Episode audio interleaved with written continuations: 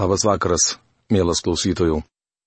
Toliau keliaujame Biblijos puslapiais Senuoju testamentu patarlių knyga. Šį vakarą užbaigsime 25 skyriaus apžvalgą ir apžvelgsime 26. Prieš pradėdamas apžvalgą paprašysiu palaimus. Dangaus Dieve, dėkoju tau už šią dieną, dėkoju tau už darbus, kuriuos kiekvienas iš mūsų galėjome daryti. Ir dėkojame tau, kad dabar, kokie rūpešiai mus beslėgtų, mes galime susirinkti prie tavo kojų. Galime atsiversti šventą įraštą ir išgirsti tai, ką tu esi mums visiems paruošęs. Dangaus Dieve, prašau, kad tu paliestum širdis, kurios šiandien dar nepažįsta tavęs, kaip asmeninio gelbėtojo, kad tavo išminties žodis prabiltų į jas, įtikintų, kad patys mes nieko negalime padaryti, mes negalime savęs išgelbėti. Taip pat prašau dangaus Dievę, kad tu apsilankytum kiekvienoje tikinčioje širdyje ir mes prieėmę tavo išminties žodį galėtume pritaikyti jį savo kasdieninėme gyvenime. Prašau palaiminimo šiam laikui. Jėzaus vardu. Amen.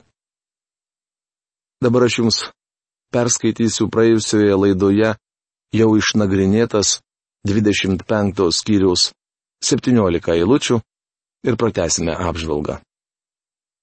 Štai dar Saliamono patarlių, kurias surinko judo karaliaus Ezekijo vyrai. Dievui teikia garbę paslaptys, o karaliams esmės atskleidimas. Kaip dangaus aukštybės bei žemės gelmės, taip ir karalių širdis neištyriama. Pašalinės nuodegas nuo sidabro, sidabra kalys turi medžiagos indui. Pašalinus nedorėlį nuo karaliaus, jo sostas bus grįstas teisumu. Nesiaukštink karaliaus akivaizdoje ir neužimk didžiūnų vietos.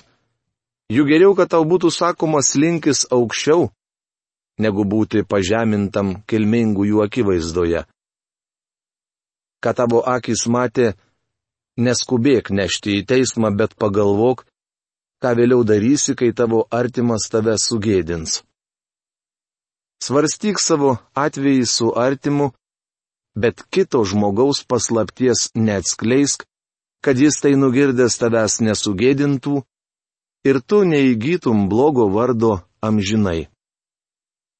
Mintis šmaikščiai laiku išreikšta, kaip sidabru inkrustuoti aukso obuoliai. Kaip aukso žiedas ar aukso puošmena, yra išminčiaus papeikimas paklusniai ausiai. Kaip sniego visa pjūties metų kaitruje, yra patikimas pasiuntinys jį siuntusiam jis pakelia šeimininko dvasę. Kaip debesys ir vėjas, kurie net neša lietaus, yra žmogus, kuris pažada dovaną, bet jos neduoda. Kai užtenki medaus, valgyk tik tiek, kiek reikia, antraip persisotinės turėsi jį išvemti. Į savo kaimyno namus kojos dažnai nekelk, kad jam neįgrįstum ir netaptum nekenčiamu ir 19, pirmoji šios dienos nagrinėjama eilutė, kaip klibas dantys ar raišakoja, yra pasitikėjimas apgaviku nelaimėje. Patarlių knygos 25 skyriaus 19 eilutė. Pavyzdžiui, judą galima palyginti ir su klibančiu dantimi ir su raišakoja. Tikriausiai panašių žmonių esate sutikę ir savo gyvenime. Jei tavo priešas alkanas, pavalgydink jį duoną, jei ištroškęs, pagirdik vandeniu, nes taip jam krausi žarijas ant galvos ir viešpats tau atlygins. Patarlių knygos 25 skyriaus 21-22 eilutės. Kaip žinote, šį labai svarbų principą pakartojo viešpats Jėzus, o vėliau yra paštalas Paulius. Šiaurys supučia lietų, o apkalbantis liežuvis piktų žvilgsnius. Patarlių knygos 25 skyriaus 23 eilutė. Šiandieninis meilumas ir lipšnumas reikalauja, kad mes niekada dėl nieko nepriekaištautume. Kartais gaunu laiškų iš mielų šventųjų, kurie priekaištauja man dėl to, kad aš negerai atsiliepiu apie tam tikras grupės ir judėjimus. Manau, jog tai ir turėčiau daryti. Aš ir toliau pasisakysiu prieš tuos dalykus, apie kuriuos, mano nuomonė, būtina kalbėti. Būtų puiku, jei mes visuomet galėtume būti meilūs. Tačiau šio gyvenimo pakelėje slepiasi žalčiai. Mūsų kelias duobėtas, jame gausų melagingų mokslų ir Dievo žodžio iškraipimų. Todėl ir noriu visą tai atskleisti. Žinoma, stengiuosi daryti tai meilės dvasioje. Nenoriu nei vieno įžeisti, tačiau stengiuosi garsinti Dievo tiesą. Geriau gyventi kampe ant stogo, negu erdviuose namuose su priekabe žmona. Patarlių knygos 25 skyrius 24 eilutė. Apie tai jau nekarta buvo užsiminta. Saliamonas, kuris buvo vedęs daugybę žmonų, tikriausiai su kai kuriomis iš jų turėjo nemažai bėdos. Galbūt todėl jis taip dažnai grįžta prie šios temos. Tikriausiai, kai tas vyras išvažiuodavo pasivažinėti savo karietą, jam už nugaros sėdėdavo visa grupė šturmanių. Kaip šaltas vanduo išdžiūvusiai gerkliai, Taip gera žinia iš tolimo krašto. Patarlių knygos 25 skyriaus 25 eilutė. Kada paskutinį kartą kalbėjote su savo tėvais? Kada paskutinį kartą rašėte laišką motinai? Tai svarbu. Tačiau šioje eilutėje slypi gilesnė tiesa. Iš tolimo krašto atėjo gera žinia. Viešpats Jėzus sakė, išėjau iš tėvo ir atėjau į pasaulį, Vėl palieku pasaulį ir grįžtu pas tėvą, rašoma Jono Evangelijos 16 skyriaus 28 eilutėje. Ta trumpą laikotarpį anot Džono Veslio Dievas buvo sumažintas iki sprindžio ir užtarnavo mums išgelbėjimą. Tai geroji žinia pasiekusi mus iš tolimo krašto. Beje, ar esate prieėmęs tą, kuris yra gyvybės vanduo? Jis yra šaltas vanduo išdžiūvusiai gerkliai.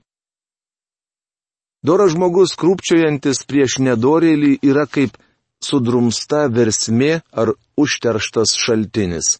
Patarlių knygos 25 skyrius 26 eilutė. Kai buvau mažas, dažnai dalyvaudavau medžioklės ekspedicijose. Mes niekuomet nesineždavome su savimi gertuvės, bet gerdavome iš upokšnių ir šaltinių, kurie dažnai būdavo itin skaidrus ir vaiskus.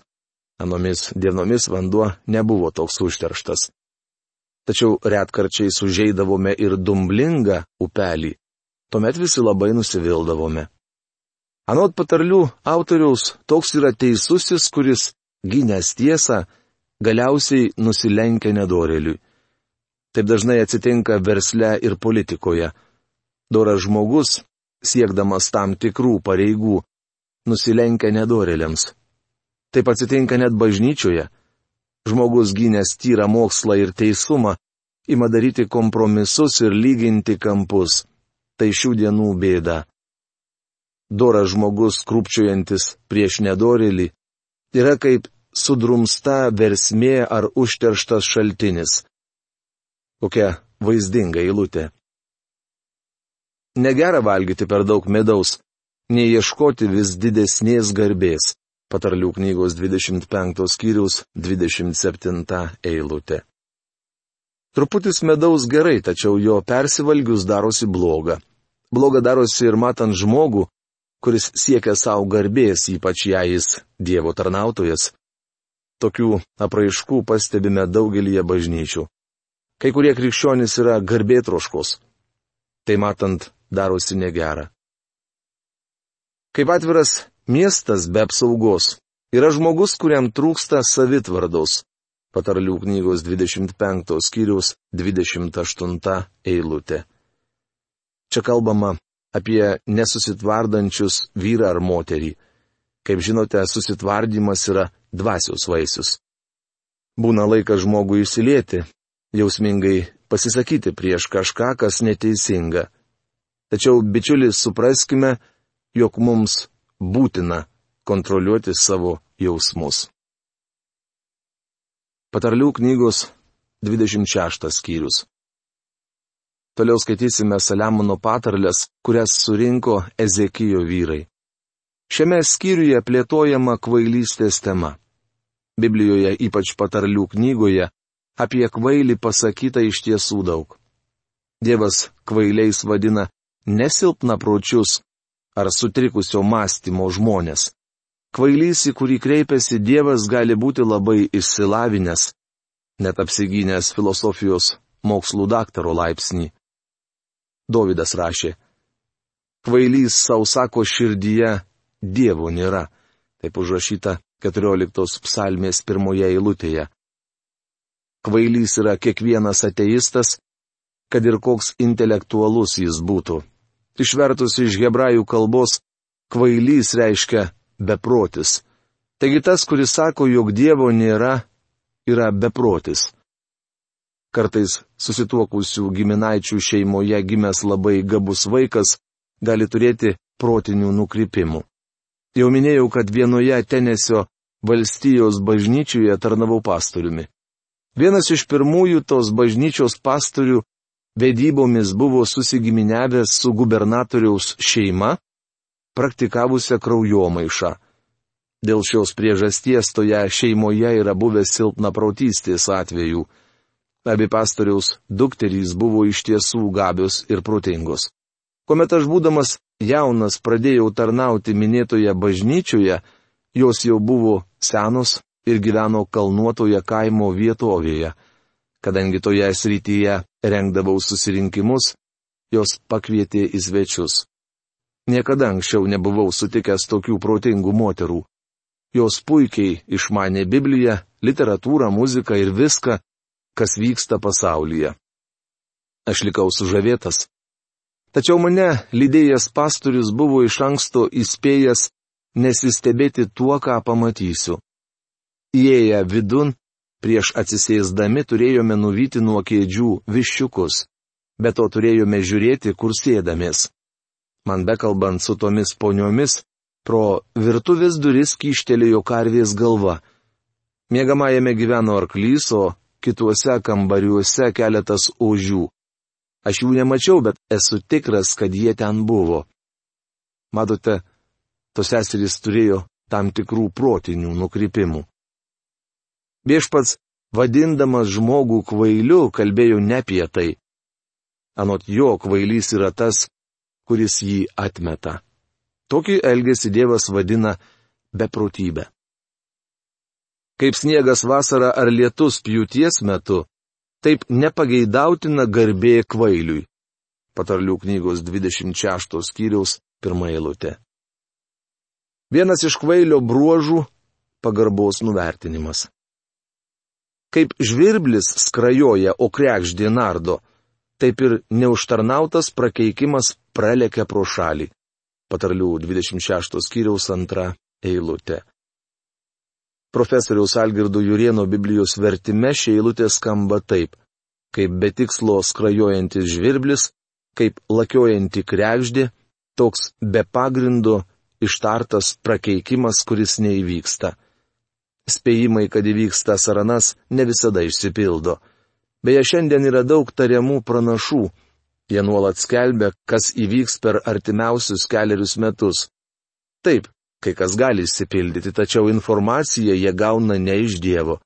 Akivaizdu, kad tie žmonės kartais klysta, o Dievo pranašas niekuomet neklysta. Žiūrėkite apie tai pakartoto įstatymo knygos 18 skyriaus 20-22 eilutėse. Botagas arkliui, kamanos asilui, o lasda kvailių nugarai. Patarlių knygos 26 skyriaus 3 eilutė. Tai gera patarlė. Arklį ir asilą galima išmokyti paklusti. Kvailį galima paveikti tik raštutinėmis priemonėmis. Neatsakyk kvailiui pagal jo kvailumą, kad netaptumei į jį panašus. Atsakyk kvailiui pagal jo kvailumą, kad jis netaptų išmintingas savo akise. Patarlių knygos 26 skyriaus 4-5 eilutės. Kai buvau mažas, vienas miesto ateistas mėgdavo ieškoti Biblijoje prieštaravimų. Žinoma, paminėdavo ir šį. Mielas bičiuli, čia nėra jokio prieštaravimo. Šiuose patarlėse paminėti du būdai, kaip galima atsakyti kvailiui. Aš gaunu daug skirtingų laiškų, į vienus atsakau, į kitus ne. Galiu padaryti išvadą, jog kai kuriuos laiškus parašo kvailiai. Jei atsakyčiau į tokį laišką, pats apsikvailinčiau. Neseniai to įsitikinau. Man parašė vienas vyras, kuris buvo susidaręs apie mane klaidingą įspūdį. Maniau, jog turiu jį pataisyti ir pasakyti tiesą. Aš atsakiau į to žmogaus laišką, kaip patariama šios skyriaus penktoje eilutėje. Netrukus gavau atsakymą. Kvailesnio laiško dar nebuvau skaitęs. Galvojau, koks aš kvailas, kad jam parašiau. Vadovaudamasis ketvirta šios skyriaus eilute, į antrą to vyro laišką atsakyti neketinu. Patarlių knygoje rašoma, kad mes galime elgtis dviejopai. Tai reikia apsispręsti atsakyti ar ne. Žmogus, kuris siunčia žinę per kvailį, pjauna savo koją ir daro savo nuostolį. Patarlių knygos 26 skyriaus 6 eilutė. Pasirinkę pasintiniu ne tą žmogų, jūs būsite labai nuvilti. Patarlė kvailio lūpose kliba kaip šlubio kojos. Patarlių knygos 26 skyriaus 7 eilutė. Šios žodžius norėčiau pritaikyti palyginimų aiškinimui. Pasiklausęs kaip kai kurie profesoriai aiškina biblinius palyginimus, noriu pasakyti, patarlė kvailio lūpose kliba, kaip šlubio kojos. Duoti kvailiui garbės vietą yra tas pat, kas įrišti akmenuką į svaidyklę. Patarlių knygos 26 skyriaus 8 eilutė. Atiduoti kvailiui garbę yra tas pat, kas jį apginkluoti. Patarlė kvailio lūpose kliba kaip erškėčio šaka girtuoklio rankoje. Patarlių knygos 26 skyriaus 9 eilutė. Kvailys kaip ir bet kuris kitas žmogus, paėmęs erškėčio šaką, susižeistų. Mokydamas kitus kvailys pakenktų savo ir klausytojams. Samdyti kvailį ar girtuoklį yra tas pat, kas kalaviju žaisti praeivius. Patarlių knygos 26 skyriaus 10 eilutė. Kosto burbulio Biblijos vertime šie eilutė skamba taip. Didis Dievas, kuris visą padarė, atlygina kvailiui ir neištikimam. Kitoje eilutėje pateikiamas palyginimas gali sukelti nemalonių asociacijų. Kaip šuo vėl grįžta prie savo vėmalo, taip kvailys kartoja savo kvailystę. Patarlių knygos 26 skyriaus 11 eilutė. Tai labai šiurkštų žodžiai. Šią patarlę kalbėdamas apie veidmainius cituoja paštalas Petras. Jiems yra nutikę, kaip teisingai sako patarlė. Šuo sugrįžo prie savo vėmalo ir išmaudyta keulė vėl voliojasi purvynę. Rašom antrame Petro laiške antrame skyriuje 22 eilutėje. Prisiminkite, kad ganydamas keules, sunus palaidūnas žinojo, jog yra ten, kur neturėtų būti. Vieną dieną jis nusprendė sugrįžti namo. Tarkime, grįždamas jis būtų parsivaręs ir vieną paršelį. Paršeliui nebūtų patikę tėvo namai ir jis vis tiek būtų bėgęs į tvartą. Panašiai bus demaskuoti ir bažnyčias lankantys veidmainiai. Galite būti tikri, kad yra tų, kurie tik dedasi esą Dievo vaikai. Vienas vyras sakė man, jog netapo bažnyčiaus nariu todėl, kad joje gausu veidmainių. Aš atsakiau, Galbūt kas nors to nežino, tačiau man tai nenaujiena. Tačiau tai ne priežastis nelankyti bažnyčios. Negalite slėptis už veidmainio. Turėtumėte būti ten ir rodyti, kas yra tikra. Aš ir anksčiau esu kalbėjęs apie veidmainystę bujojančią bažnyčioje. Gavau daug laiškų iš žmonių, kuriems nepatiko, jog aš apie tai kalbu. Tačiau Biblijoje mokoma, kad tikintysis yra saugus, o apsimetelis nesaugus. Taigi šioje patarlėje kalbama apie veidmainystę. Ar esi matęs žmogų, kuris tarėsi esas išmintingas? Iš kvailio galima daugiau tikėtis negu iš jo, patarlių knygos 26 skyriaus 12 eilutė. Per daug gerai apie save galvojantis yra blogesnis už kvailį. Nepridedant malkų užgesta ugnis, o nesant liežuvautojo nutyla ginčas, patarlių knygos 26 skyriaus 20 eilutė. Kai kurie žmonės kursto kartelį nuolat mėtydami į ginčių ugnį malkas. Jei niekas ugnies nekurstytų, ji užgestų ir ginčiai paliautų. Anglys žarijoms malkos ugniai, o priekabingas žmogus kibirkšui užkurti, patarlių knygos 26 skyriaus 21 eilutė. Kai kurie žmonės, vos pradėję lankyti bažnyčią ar prie jos prisijungę, sukelia kivirčių. Šiandien jų yra ir viešpaties darbe. Panašu, kad jie visą laiką kursto nesantaiką. Iš tikrųjų, tokių žmonių nedomina Dievo žodis, nors jie gali dėtis labai pamaldžiais. Liežuvautojo žodžiai tarsi skanėstai, jie pasiekia pačią vidurių gelmę. Patarlių knygos 26 skyriaus 22 eilutė. Žmonės mėgsta klausytis paskalų, nors liežuvautojo žodžių mėla klausytis, jie sunkiai virškinami ir galiausiai nuo jų pasidaro bloga. Tikras Dievo vaikas nenorės klausytis bjaurių kalbų. Patarlėse, kurias dabar skaitysime, labai griežtai smerkiama veidmainystė. Beje, čia kalbama apie veidmainystę Dievo tautoje.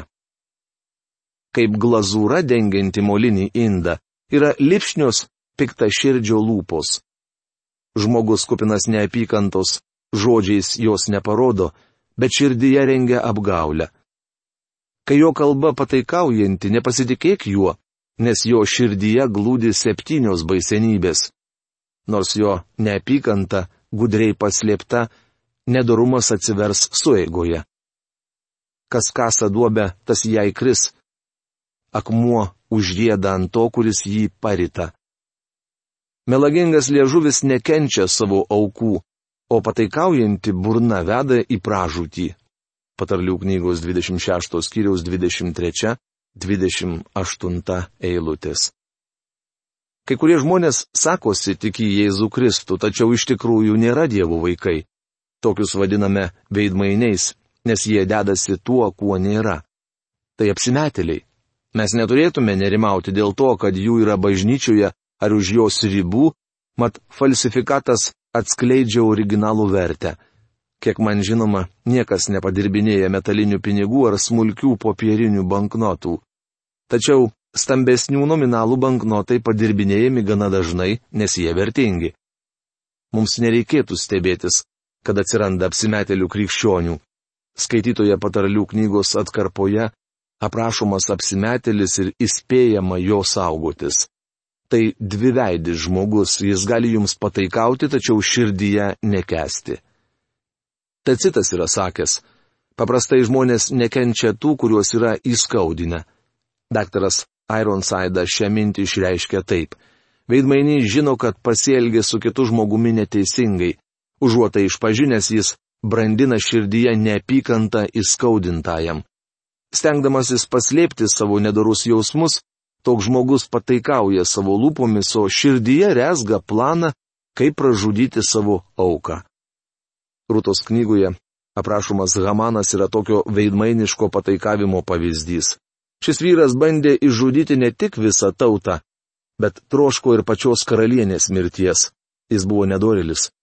Hamanas meilikavo karaliui, nors buvo akivaizdu, jog nori jį nuversti. Turime pripažinti, kad veidmainystė nesvetima ir krikščionims. Turbūt niekas pasaulyje neslapukauja taip kaip bažnyčia. Mes apsimetame, kad viskas gerai. Galvojame, jei nekreipsime į tai dėmesio, viskas susitvarkys savaime. Kai kas nors užsimena apie veidmainystę bažnyčioje, mes jaučiamės nugalėti. Galvojame, kad būsime sutriuškinti, jei pripažinsime, jog net ir mūsų pačių širdyse kartais įsišaknyja kartėlis. Patarlėse dažnai kartojama, kad krikščionis turi išpažinti šias nuodėmes. Mielas klausytojų, šios dienos laidos laikas baigėsi. Iki malonaus susitikimo. Sudė.